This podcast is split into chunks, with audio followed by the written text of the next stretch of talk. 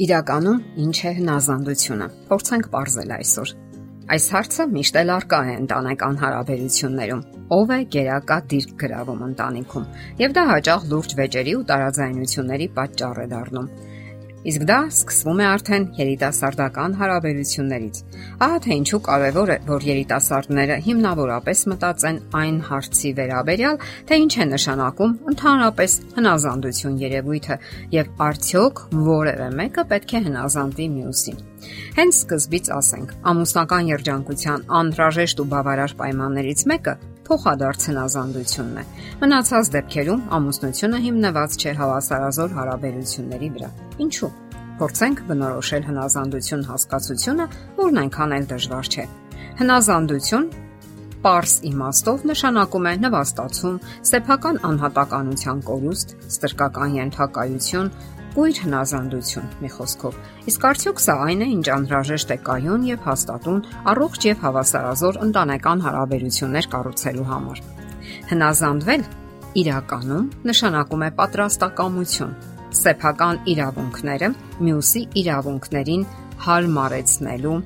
ցանկություն։ Մարդկային փոխհարաբերությունների իմաստն ու էությունը միմյանց հնազանդվելու, միմյանց զիջելու մեջ է։ Մնացած դեպքերում դա պարզապես բռնություն է եւ ուժի գերակայության վրա հիմնված հարաբերություն։ Իսկ ահա փոխադարձ հնազանդությունը ենթադրում է, որ հարաբերությունները միակողմանի չեն, ինչպես պատկերացրել են բազմաթիվ դարերի ընթացքում։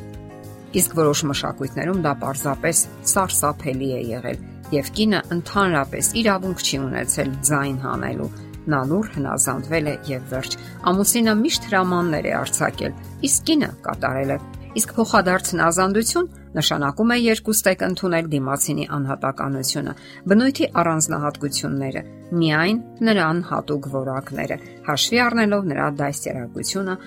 աշխարհայացքային բնորոշ առանձնահատկությունը եւ բնավորության նրբերանգները։ Հարաբերությունների լավագույն ընթացքի դեպքում կողմերը հանդուրժում են միմյանց, պատրաստակամ են հարգելու միմյանց իրավունքները որպես հավասարազոր անznավորություններ։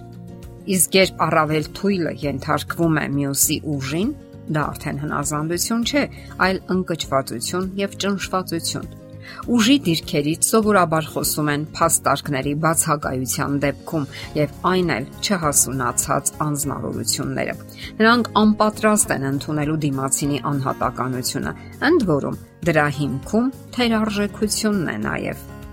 Դե ինչ սիրելի երիտասարդներ, հիշեք, փոխադարձ հնազանդությունը թե հարաբերությունների եւ թե ամուսնական միության մեջ պարզապես անհրաժեշտ է օթի ու ջրի պես։ Դուք կարող եք տարբեր ճաշակ ունենալ, երաժշտության, ֆիլմերի, ճաշատեսակների, քնելու ժամերի եւ ամենատարբեր բաների վերաբերյալ։ Կողմերից մեկը կարող է լինել հորետես, մյուսը լավատես։ Մեկը կարող է թեթևորեն ծախսել դրամները, մյուսը խնայել։ Այս օրինակ անհամապատասխանությունների դեպքում անհրաժեշտ է հարմարվել միմյանց, գնալ զիջումների, այլապես անհնար կդառնա համատեղ կյանքը։ Հարցն այն է, որ յուրաքանչյուր մարդ անհատականություն է եւ աշխարհում միանման մտածող երկու մարդ գոյություն չունի։ Այսօր մենք ուրիշ ժամանակներում ենք ապրում եւ པարզ է, որ ծանր ձեռքով ղեկավարումը, տան գլխավորի հանդեպ կույր հնազանդությունը մեր օրերում իրեն սպառել է։ Այսպիսի վերաբերմունքը կնոջը կհարկադրի իրեն անլիարժեք զգալու։ Բնականաբար կխախտվեն ամուսնական, քիչ թե շատ բնականon փոխհարաբերությունները։ Անբնական է նաև որոշ հարաբերություններում եւ ընտանիքներում դիտվող մայր իշխանության հակումը։ Եվ մորթուլությունը եւ հորթուլությունը բացասաբար են ազդում երեխաների բնականon զարգացման վրա նաև ընտանիքի, ընդհանուր կացութաձևի, ընդհանուր ապրելակերպի վրա։ Նույնիսկ առավել առողջ դատողամուսինները, որ ձգտում են լիակատար համագործակցության, որպես երկու հավասար ղեկավարներ, բախվում են բազմաթիվ դժվարությունների։ Իշխանության համար մղվող պայքարը կամ մրցակցությունը հարաբերությունների եւ երջանիկ ամուսնության վատ թարագույն ճշնամիներից մեկն է երիտասարդները, իսկ հետագայում արդեն ամուսինները կարիք ունեն ոչ թե մրցելու, մրցակցության, այլ հուզական մերձության, ըմբռնողության եւ բարոյական սատարման։ Հասուն անznավորությունները սրան պետք է ձգտեն համատեղ կյանքի ողջ ընթացքում։ Կողմերից ոչ մեկը իրավունք չունի իր տեսակետը պարտադրելու որպես միակ ճիշտը եւ առավել եւս չպահանջի անվերապահորեն ենթարկվել դրան։ Առողջ հարաբերությունների դեպքում յուրաքանչյուրը պետք է պատրաստական լինի հաղթահարելու տարաձայնությունները այնքան ժամանակ, քանի դեռ ընդհանուր հայտարարի չեն եկել։ Այլ հարց է, երբ կողմերից մեկը ստանձնում է կոնկրետ իրավունքներ, շնորհիվ որոշակի բնագավառում ունեցած իր լավատեղյակության կամ արհեստավարժության Մեկ այլ հարաբերություններում կամ ընտանիքում կինը կարող է ստանձնել որոշակի ղեկավարություն իր մասնագիտական կարողությունների շնորհիվ, եւ դա միանգամայն բնական է։ Բոլոր դեպքերում կողմերը պետք է լինեն միահոգի։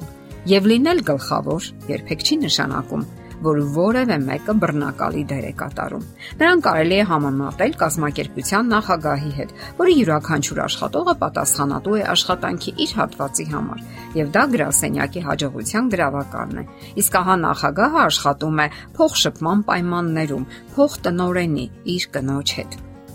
Դե ինչ սիրելի երիտասարդներ, հաճախ խորհրդակցեք միմյանց հետ, քննեք ամենահնարավոր հարցերը Հատուկ ժամանակ հատկացրեք ձեր ծրագրերն ու խնդիրները քննարկելու համար։ Գնահատեք միմյանց կարծիքը, փորձը եւ ողջունեք դիմացինի մասնակցությունը այդ խնդիրները լուծելու գործում։ Ժողովրդական իմաստությունն ասում է. երբ սուրբը ամուսնանում է սրբուհու հետ, ոչ միշտ է ստացվում սուրբ ամուսնություն։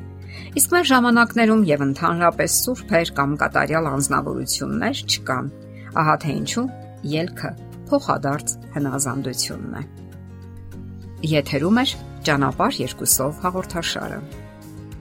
Հարցերի եւ առաջարկությունների համար զանգահարել 033 87 87 87 հեռախոսահամարով։